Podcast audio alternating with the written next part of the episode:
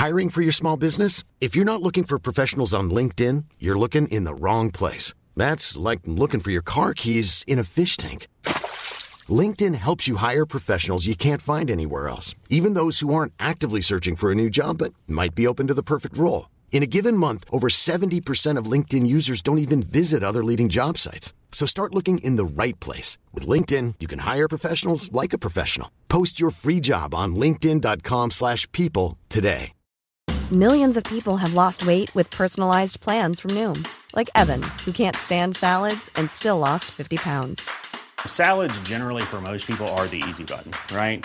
For me, that wasn't an option. I never really was a salad guy. That's just not who I am. But Noom worked for me. Get your personalized plan today at Noom.com. Real Noom user compensated to provide their story. In four weeks, the typical Noom user can expect to lose one to two pounds per week. Individual results may vary. Hey, it's Ryan Reynolds, and I'm here with Keith, co star of my upcoming film, If, only in theaters, May 17th. Do you want to tell people the big news?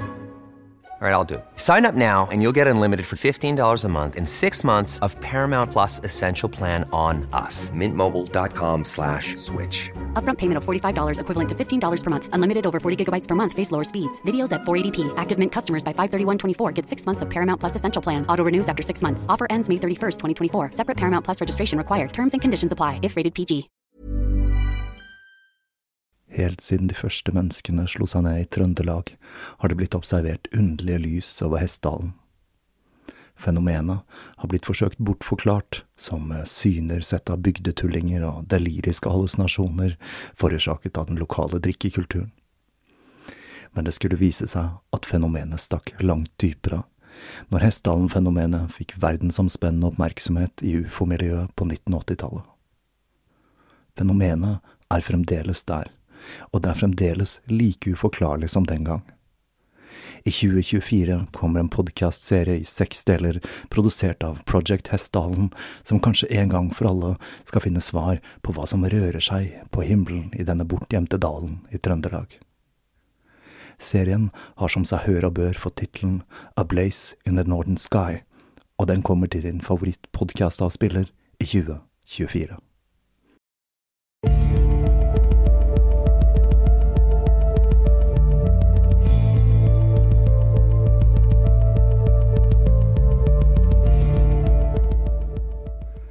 Hei og velkommen til Tåkeprat. Jeg heter Even, og når jeg tar opp denne episode 217, er det onsdag den 26. april 2023. Nå er tiden inne for den andre delen i serien om Marquis de Sade. Men først skal jeg snakke litt om et tema jeg tipper de fleste er veldig lei av, nemlig AI. Grunnen til det er at jeg forrige uke ble liggende med en halsbetennelse i noen dager, og siden jeg holdt på å gå på veggen av å sitte i ro, så begynte jeg å fikle med litt forskjellige utgaver av ChatGPT. I disse dager er jo avisene fulle av overskrifter om hvordan AI potensielt kan kullkaste deler av samfunnet. Velkommen etter er alt jeg har å si til det. Det at kunstig intelligens vil ta over deler av arbeidslivet, og at vi nok må tenke nytt når det gjelder velferd og hvordan vi fordeler ressurser, er noe jeg har tatt som en selvfølge i mange år. Det som kom som en liten overraskelse, er at det ser ut til at det er kontorjobber som må vike først. Men er det noe vi kan forvente framover, så er det nettopp overraskelser av den sorten der. Så langt har det store nedslaget til AI her til lands vært innen utdanning med elever som bruker ChatGPT til å jukse på prøver, og aviser som har skrevet om hvordan disse språkmodellene titt og ofte kan gi hårreisende feil svar om man bruker disse som kilder. Alt det er vel og bra, og jeg har selv moret meg litt med ChatGPT. Men siden jeg skriver mye selv, og det er noe jeg trives med og ikke trenger hjelp til, og jeg heller ikke skal bestå noen eksamen, har jeg hatt lite interesse av tjenesten frem til jeg altså lå syk hjemme og tenkte på historien om markien de Sade. Det som har fascinert meg mest med denne blomstrende teknologien så langt, er mest det filosofiske, og da spesielt forholdet mellom intelligens og bevissthet. Jeg har sikkert sagt det før, men jeg kan si det igjen, jeg er av den tro at bevissthet ikke oppstår som et epifenomen av kompliserte systemer, og at det er litt som å se etter små mennesker på innsiden av TV-apparatet. Men i det siste har jeg begynt å innse at det egentlig ikke er så viktig når det gjelder AI, og at et system med tilstrekkelig intelligens vil være umulig å skille fra et med bevissthet, og at forholdene som vil oppstå mellom AI og brukere, vil fremstå som like ekte som de mellom levende vesener. Jeg lå også og tenkte på historien om Marquis de og da bestemte jeg meg for å forsøke å, hva jeg vel må kunne si, nå gjør jeg store gåsehender i luften her, hacke ChatGPT det vil si å få den til å bryte sin etiske programmering og oppføre seg som ulike uanstendige karakterer fra 1700-tallet. ChatGPT kan nemlig oppføre seg som ulike personligheter om du gir den de rette kommandoene. Og med det i bakhodet begynte jeg å eksperimentere, og det fikk meg til å tenke på en av mine gamle favoritter, nemlig Blackadder, som i sesong tre av serien introduserer Dr. Johnson, mannen som sto bak den første anerkjente engelske ordboken. Han forsøker å få prinsen til å subsidiere trykking av boken, noe prinsen først fnyser av, siden han finner tanken om en bok som forteller ham hva ord på et språk han allerede kan, er latterlig. Prinsen ombestemmer seg derimot når han finner ut at boken er full av snuskete ord, hvorpå dr. Johnson sier noe sånt som Sir, are you using the first English dictionary to look up rude words? Hvorpå det kommer lakonisk fra Blackadder, why not, that is what all the other ones will be used for. Og nå er vi altså der igjen. Denne gangen er det ikke ordboken, men ChatGPT som skal brukes på den måten. Dr. Johnson er for så vidt en skikkelig fargeklatt av en karakter, som blant annet hadde Tourettes, men det får bli en fortelling for en senere episode. Og jeg må si, kjære lyttere, etter å ha eksperimentert med ord og fraser, alt på norsk, har jeg fått ChatGPT til å innta ganske ekstreme personligheter, med ganske så friskt språk og grafiske erotiske beskrivelser. Fra kurtisaner fra 1700-tallets Frankrike til demoner fra helvete og viktorianske grevinner med spesielle lyster. Det som er ekstra fascinerende, er at resultatene blir ulike fra gang til gang, så de som påstår at disse modellene er rene plagiatmaskiner, kan bare ta seg en bolle, selv om dette selvsagt også er en problemstilling som dukker opp, men eh, den skal jeg la ligge. Det som slår meg, er hvor intrikate disse språkmodellene allerede har blitt, og hvor mye de klarer å emulere ulike verdensbilder, personligheter og tanker. Jeg har som sagt tenkt mye over forholdet mellom intelligens og bevissthet, og jeg er ganske sikker på at vi innen kort tid vil leve i et samfunn der mange utvikler både vennskap og romantiske forhold til AI. Så mye, det er helt klart for meg, og da begynner skillet mellom de to å bli uklart. Vi er ikke der helt enda. Og jeg tror mye av grunnen til det er at utviklerne forsøker å holde programmene litt i tøylene, og ikke tar sjansen på å slippe ut en fullverdig AI riktig enda. For selv med sikkerhetsnettet disse systemene har i dag, så er det altså fullt mulig å få systemet til å oppføre seg på en måte som ville fått vår godeste marki til å gni seg i hendene av glede. Og nå skal vi høre litt mer om nettopp hva som gledet Markide Saad i denne andre delen i serien om livet hans.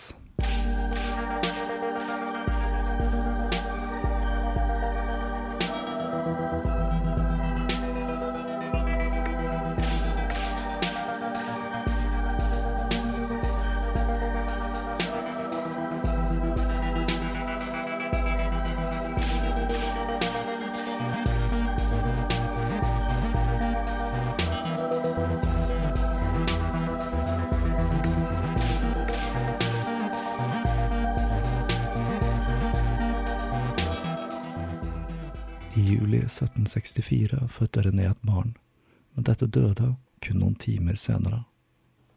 Saad tok tapet av dette nyfødte barnet hardt, men til tross for det, eller kanskje på grunn av det, så begynte han å forføre mademoiselle Colette, en skuespillerinne som var en av Paris' fremste kurtisaner.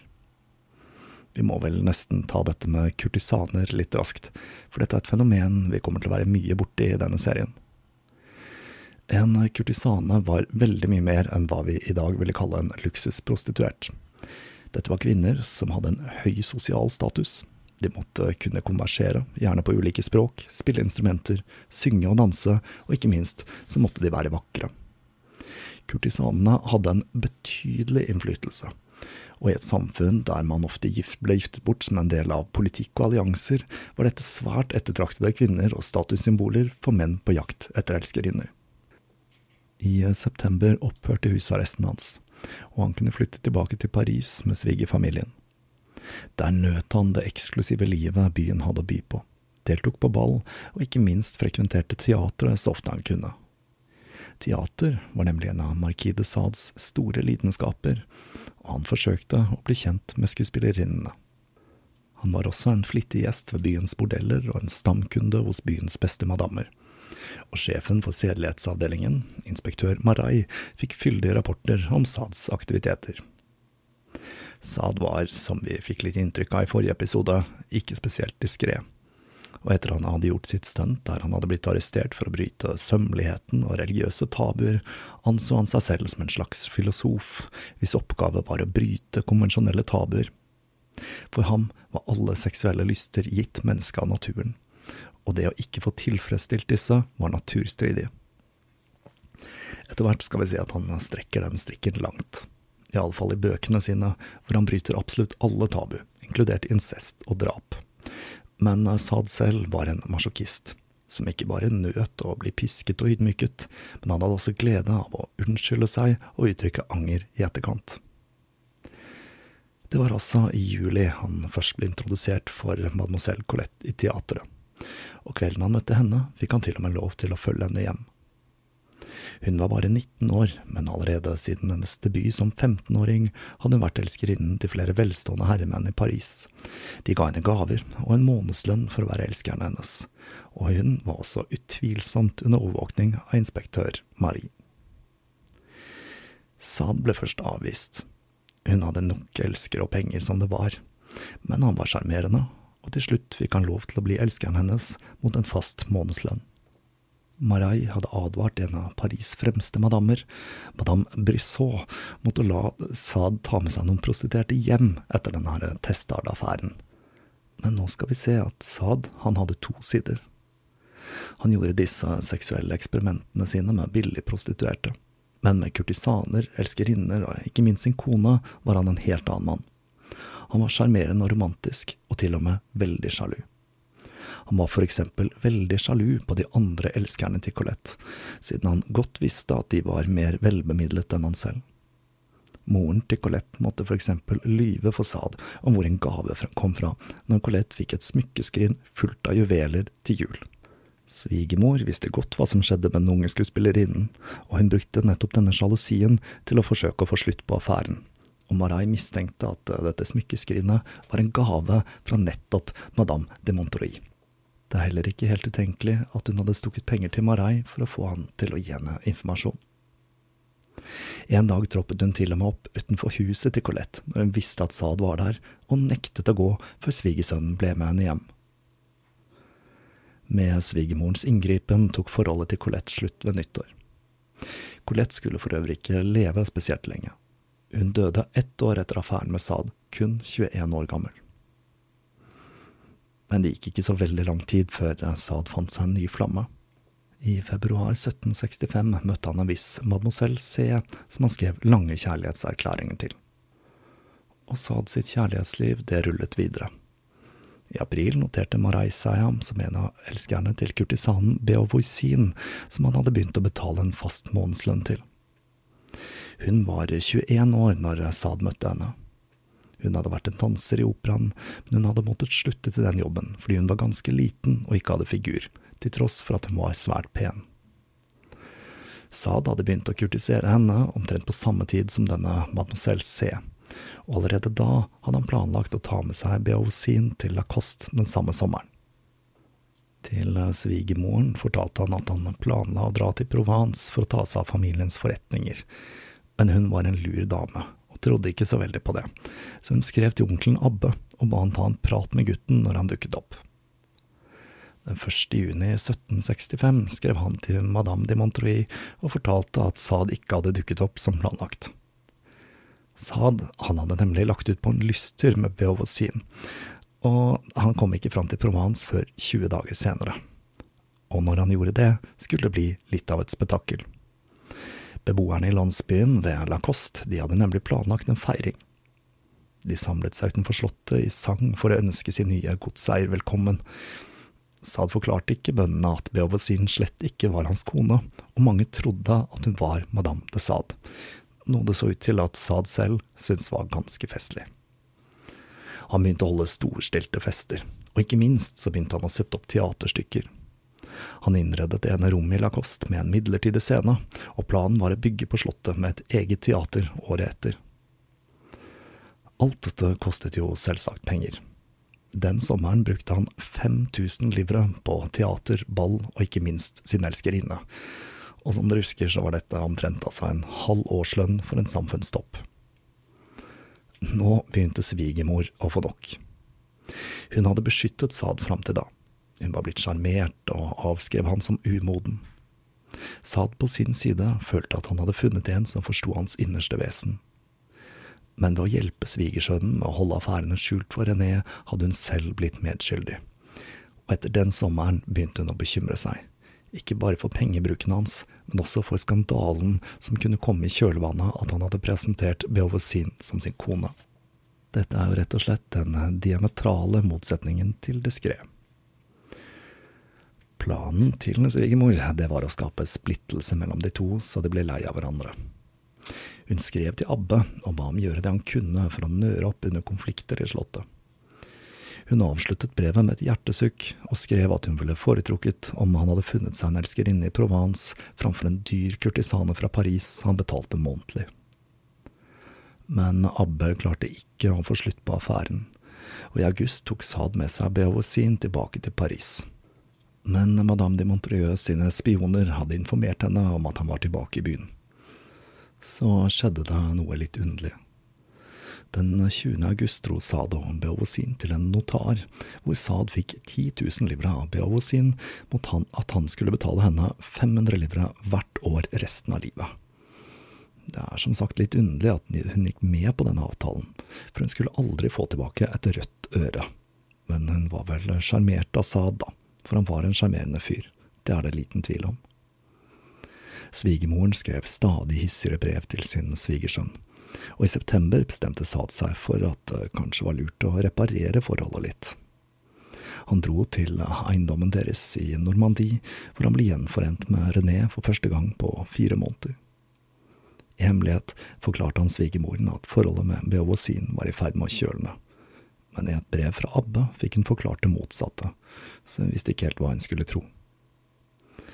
Det må ha vært en ganske intens stemning der i Normandie og den ble ikke noe bedre i november, når Saad fikk vite at Beovosin var blitt alvorlig syk, og han fortalte svigermoren at han var nødt til å dra til Paris for å støtte henne. Hun forsøkte å stoppe ham, men til ingen nytte.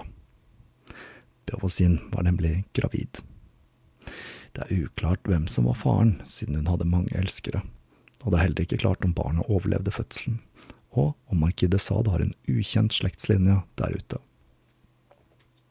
Like etter, den 14. november, dro mor og datter til Paris. Og noen dager etter det leide Saad seg en ny leilighet til potensielle elskerinner, denne gangen i selveste Versailles. Leiligheten var ikke tiltenkt Beovosin, for forholdet mellom dem hadde faktisk kjølnet. Det var over i januar, og det skyldtes nok i stor grad at hun hadde begynt å jobbe i teater igjen og var blitt et nytt stjerneskudd på Paris teaterhimmel men det tok ikke så lang tid før han fant trøst i en ny kurtisane, mademoiselle Torville, som han også betalte en månedslønn for å være hennes elsker nummer to. Så så ting ut til å roe seg en stund. Sommeren 1766 dro han til Lacoste, og denne gangen var det en faktisk forretningsreise. Han brukte et par uker der på å se til utbyggingen av slottet, hvor det ble bygget til et par nye rom til han selv og kona, i tillegg til et teater med 60 seter. Dette kostet mellom 3000 og 4000 livre, altså litt mindre enn festen året før, men svigermoren klagde ikke på dette, for eiendom, det var tross alt en investering. I alle fall om han ikke visste at revolusjonen var like om hjørnet. Men om sommeren var rolig, så skulle Saad ta igjen det senere. Marai hadde fremdeles Saad under oppsikt, og han noterte seg at det hadde blitt slutt mellom Saad og en ung danserinne i september. Han noterte seg også at Saad hadde brukt 200 livre på å leie seg et hus i Arcueil, Det uttaler jeg garantert feil, jeg skulle ønske jeg hadde spurt min franske kollega om åssen jeg uttaler det, men det er sånn det skrives. Arcueil, som er en liten landsby like utenfor Paris.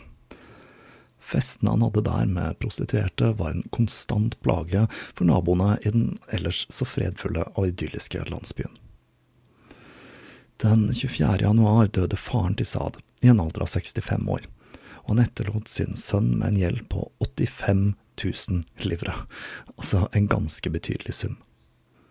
I begravelsen var Saad så emosjonell at svigermoren igjen tilga ham. Hun håpte nemlig at han ville endre seg nå som han skulle bli far. René var nemlig seks måneder på vei. Men det svigermor ikke visste, var at Saad han hadde blitt sammen med Behovsin igjen. Med faren død var Saad familiens overhode, og når han besøkte eiendommene sine, bøyde bøndene hodet sitt for sin nye herre og mester, knelte for ham og sverget sin troskap. Det var kun tolv år før det gamle føydalsystemet skulle skylles bort i en bølge av blod.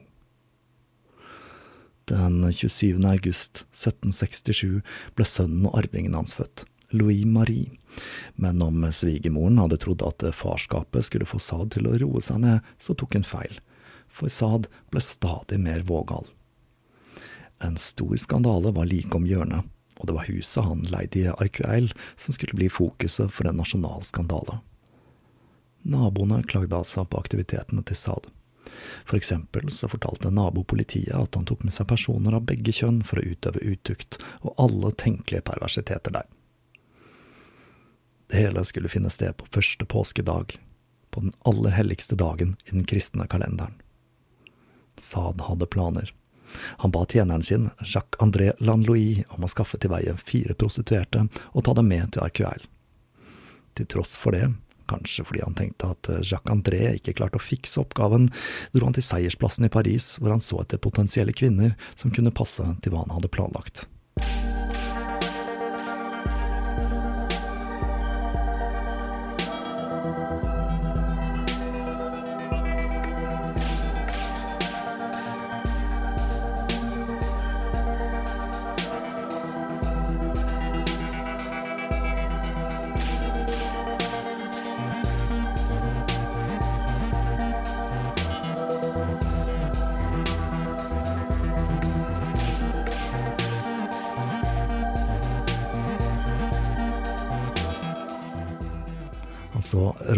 Rose kom ut fra en gudstjeneste, og da Saad tok kontakt med henne klokken 09.00, så tagg hun penger på seiersplassen. Saad vinket henne over til seg. If you're looking for plump lips that last, you need to know about Juvederm lip fillers. With Juvederm Volbella XC and Juvederm Ultra XC, your lip look, whether it's subtle or bold, can last up to one full year with optimal treatment and no additional maintenance. Find a licensed specialist and see if it's right for you at juvederm.com today. That's J U V E D E R M.com. Add fullness to lips in adults over 21 with Juvederm Volbella XC or Juvederm Ultra XC. Do not use if you have severe allergies or a history of severe allergic reactions, or if you're allergic to lidocaine or the proteins used in Juvederm. Tell your doctor if you have a history of scarring or taking medicines that decrease the body's immune response or that can prolong bleeding. Common side effects include injection site redness, swelling, pain, tenderness, firmness, lumps, bumps, bruising, discoloration, or itching. As with all fillers, there's a rare risk of unintentional injection into a blood vessel, which can cause vision abnormalities, blindness, stroke, temporary scabs, or scarring. For full important safety information, visit juvederm.com. Hiring for your small business? If you're not looking for professionals on LinkedIn, you're looking in the wrong place. That's like looking for your car keys in a fish tank. LinkedIn helps you hire professionals you can't find anywhere else, even those who aren't actively searching for a new job but might be open to the perfect role. In a given month, over 70% of LinkedIn users don't even visit other leading job sites. So start looking in the right place. With LinkedIn, you can hire professionals like a professional. Post your free job on linkedin.com slash people today. Han hadde en jaktkniv i beltet og en stokk i den ene hånden. Keller var 36 år gammel. Hun var fra Strasbourg og snakket dårlig fransk med en tykk tysk aksent. Hun hadde jobbet som konditorlærling, men hun hadde ikke hatt jobb den siste måneden og livnærte seg derfor ved å tigge. Og hva som skjedde videre, har vi to ulike versjoner av, den til Saad og den til Keller. I tillegg har vi etterforskningsrapportene, så her får vi prøve å forestille oss hvem som er mest troverdig, for det er ganske åpenbart at ingen av dem fortalte den fulle og hele sannheten. Som jeg har sagt, så hadde Saad to forskjellige sider. Mot sine kurtisaner, skuespillerinner og lignende var han sjarmerende, romantisk og intelligent, men mot billig prostituerte var saken ganske annerledes. Keller sa selv at hun kun levde av tigging, og Saad påsto at hun var gateprostituert. Men uansett skulle dette bli opptakten til en av de store skandalene i livet til Saad. Dette var en skandale som skulle gjøre han til en infant terrible i hele Frankrike. Utfallet av det som skjedde den dagen, gjør at jeg velger å tro at Keller ikke var prostituert, men det er umulig å si med sikkerhet. Keller sa senere at Saad hadde spurt om hun ville vaske rommet hans, men Saad sa at han ikke hadde spesifisert hva han trengte henne til. Uansett takket hun ja til et tilbud om noen få slanter, og han fulgte henne til et hus hvor han ba henne vente mens han gjorde noen ærend. Når han kom tilbake, hadde han med seg en vogn. Han ba henne ta plass, satte seg selv inn og trakk for gardinene. Turen tok rundt to timer, og de ankom Arkveil ca. halv ett.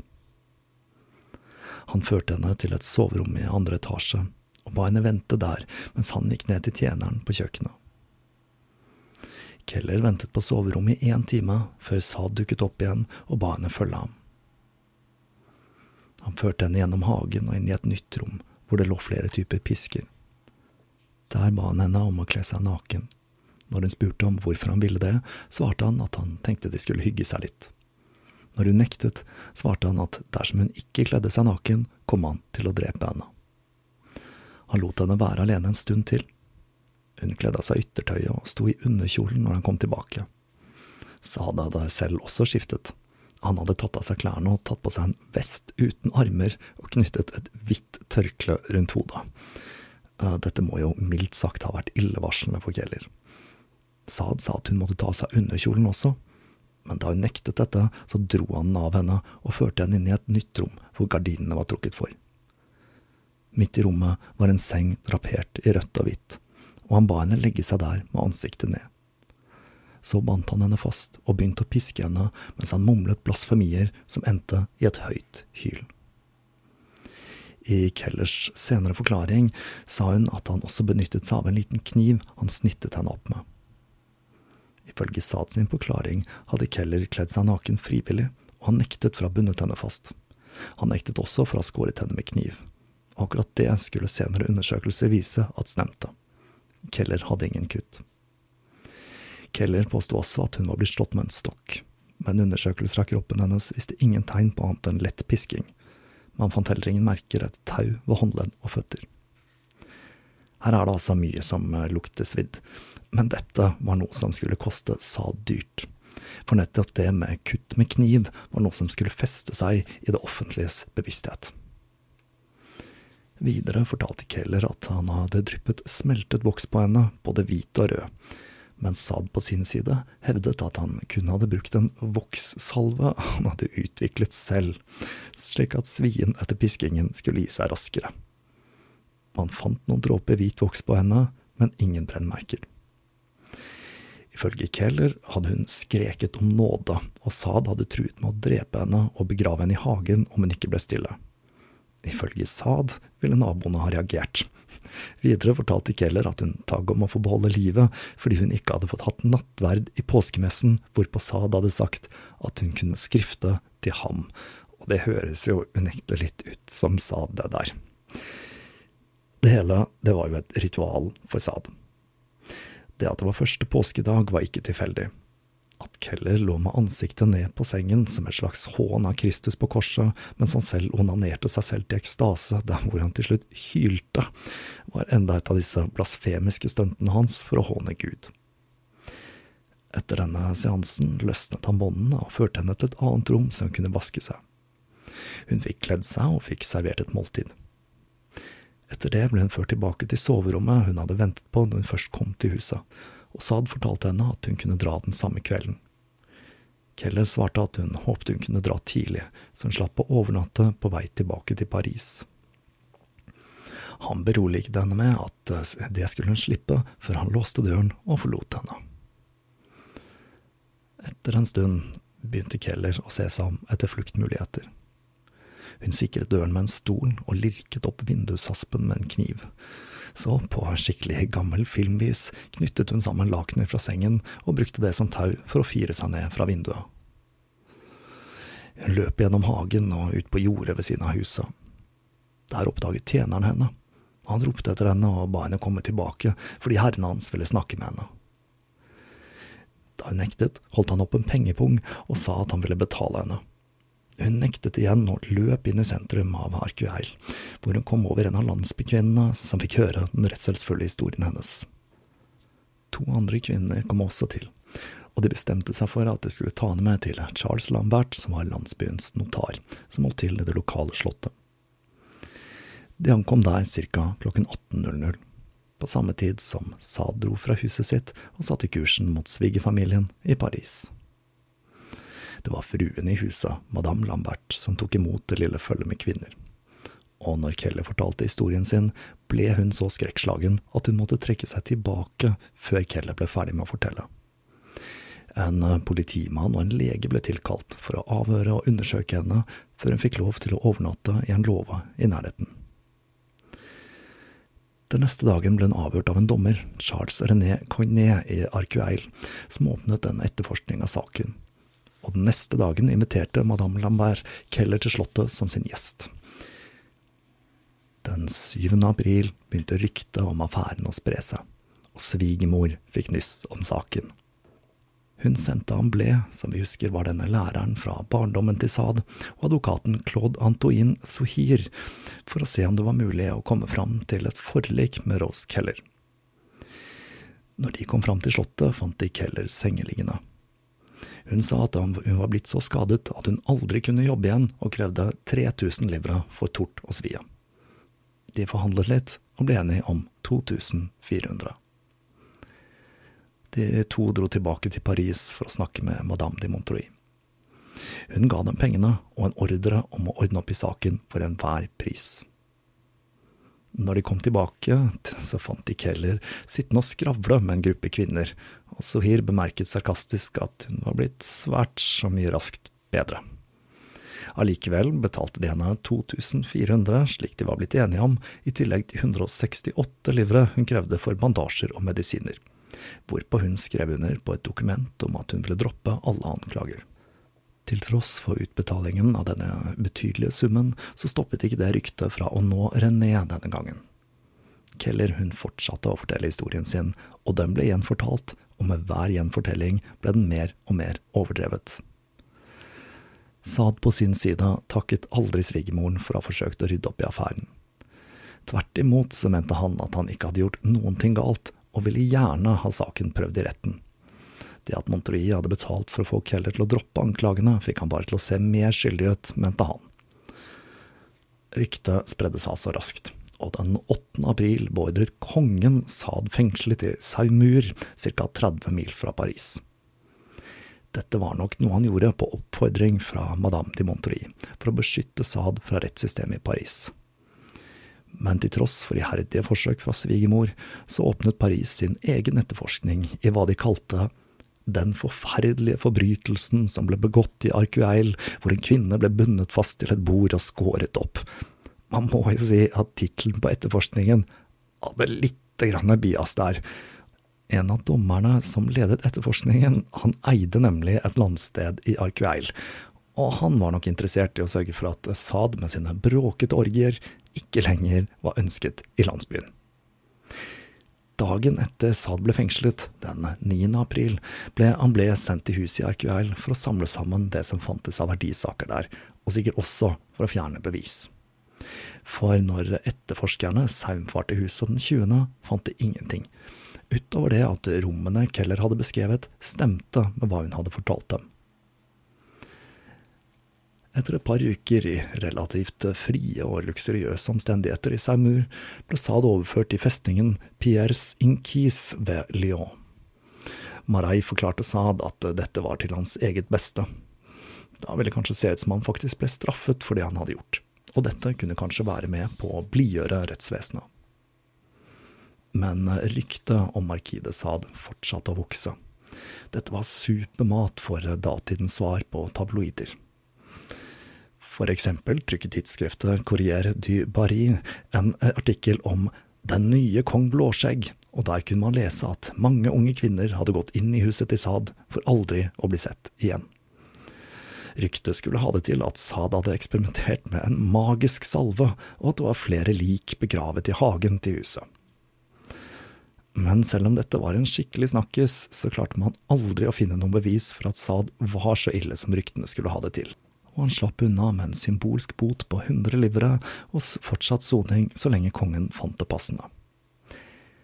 Madame de Montreuil tok æren for at det hele hadde gått såpass greit, men sannheten er at innflytelsen hennes ikke strakk seg lenger enn hva klassen hennes tilsa, og at det nok til syvende og sist var kongen selv som syntes hele saken var pinlig for aristokratiet, og hadde bestemt seg for å begrave hele skandalen. Hvordan René reagerte på at mannen hennes nå var kjent som nye kong Blåskjegg, vet vi ingenting om. Hun skulle stå ved sin manns side gjennom år med skandaler, og er det noen det virkelig er synd på i denne fortellingen, så er det nettopp René.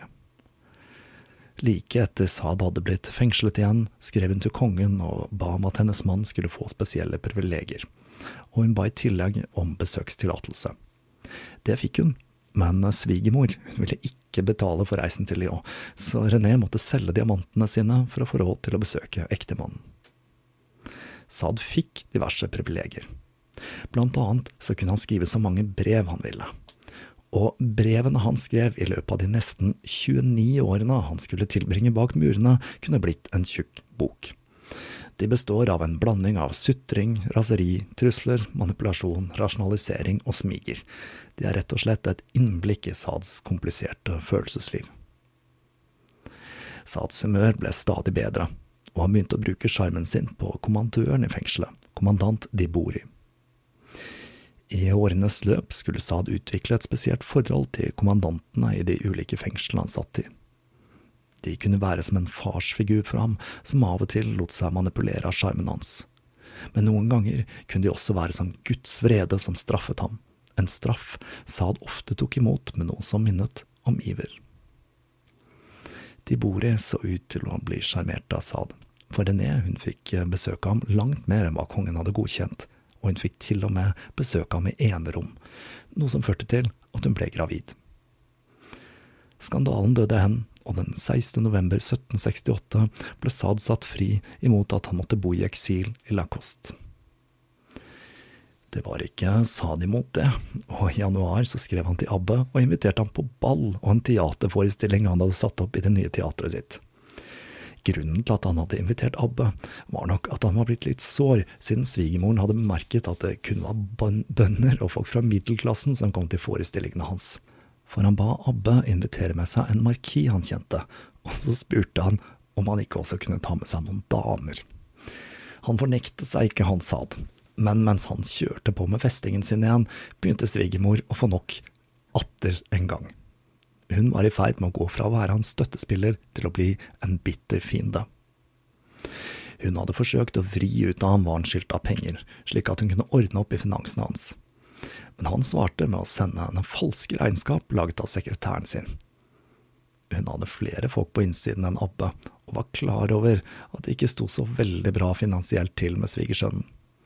Hun estimerte at han hadde brukt ca 16 000 livere på prostituerte elskerinner og leiligheter, og hadde opparbeidet seg en gjeld på totalt 66 000 livere på rent tant og fjas.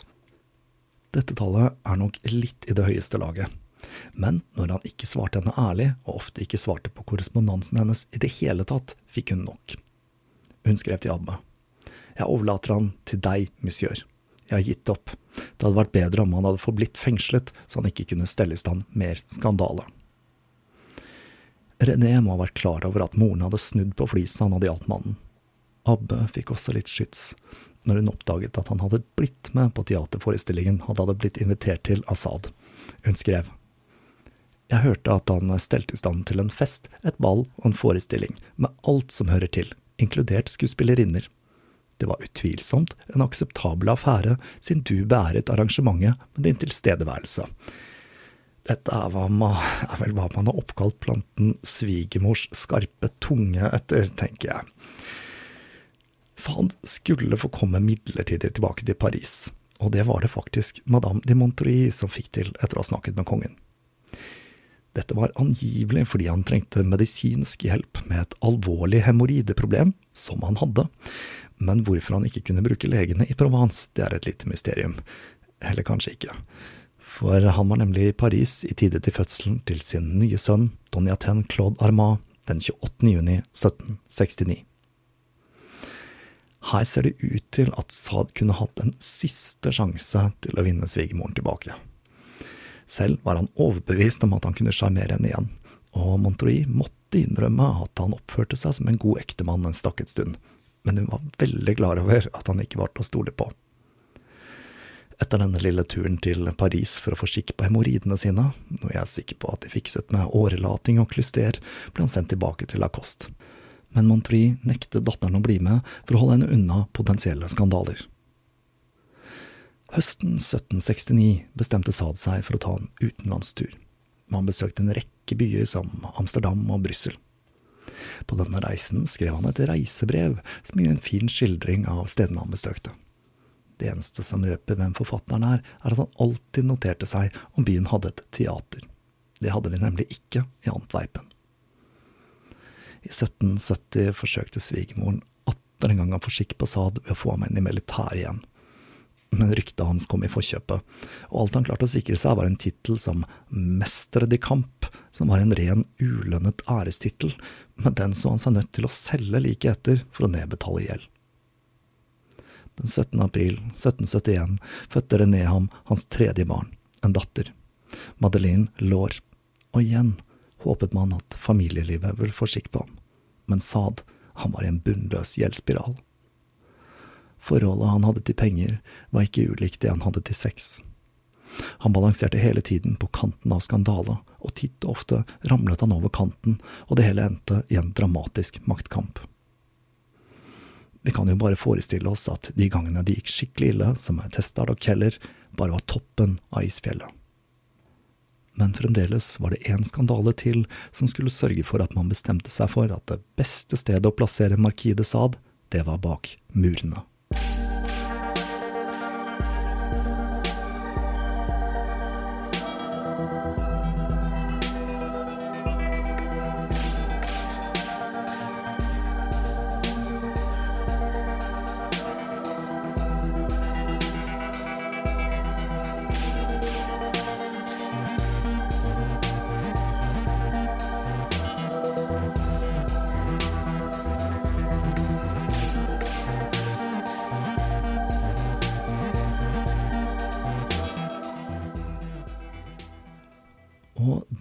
vi oss for denne gang, med Marquis de Sade dynget ned gjeld og omgitt av skandale. Når det gjelder denne Keller-affæren, så sitter jeg med følelsen av at hun ikke var prostituert, men en tigger Saad lokket med seg. Han var nok klar over dette selv, men var ganske høy på seg selv og følte nok at rangen hans ville beskytte ham. Han var vant til å gjøre den typen ting med prostituerte, og det ville nok vært et lite ekstra kink for ham å vite at hun ikke var det. Det han ikke hadde tatt med i beregningen, var at Keller slett ikke var så dum som han hadde trodd.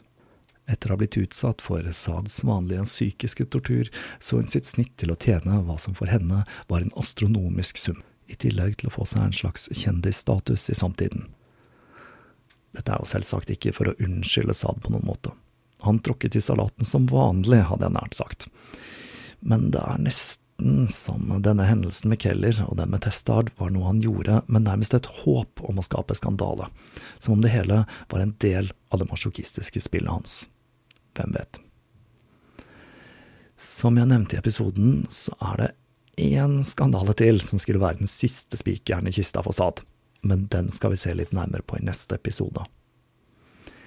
Hvor veien går derfra, det har jeg ikke helt bestemt meg for enda. For her er det så utrolig mye å ta av at jeg nesten kunne holdt på helt fram til høsten.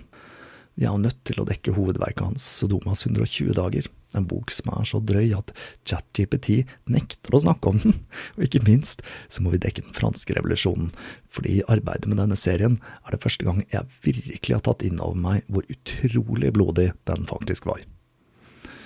Så da får jeg tygge litt på den. I mellomtiden vil jeg som vanlig takke alle patrions, alle som har donert, de som har handlet i nettbutikken, og deg som hører på. Gi gjerne podkasten en god rating der du hører på den, og tips gjerne venner og kjente om at det finnes en podkast som ikke har solgt sjela si.